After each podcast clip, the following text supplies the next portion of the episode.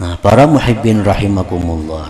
Bagaimana caranya supaya kita ini menjadi mulia dengan Allah? Bagaimana caranya supaya kita menjadi mulia dengan taat kepada Allah?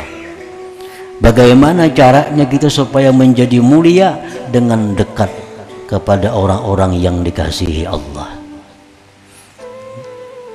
Nah, para pensyarah hikam kitab Al-Hikam menjelaskan Fal izzu billah yakunu bi ta'zimihi wa haibatihi wa mahabbatihi wa ma'rifatihi wa husnil adabi ma'ah war ridha bi ahkami. Faman ta'azzaza bidzalik faqad ta'azzaza fid dunya wal akhirah. Adapun kemuliaan dengan Allah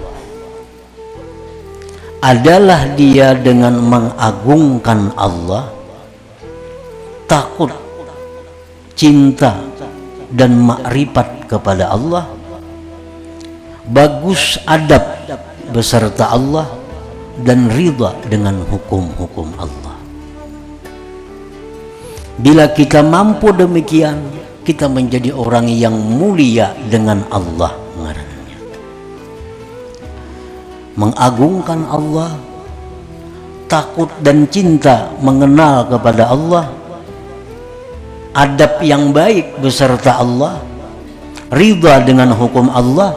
Bila kita mampu demikian, maka kita menjadi orang yang mulia billah dengan Allah. Barang siapa yang menjadi mulia dengan sebab demikian itu, maka dia mulialah dunia dan akhiratnya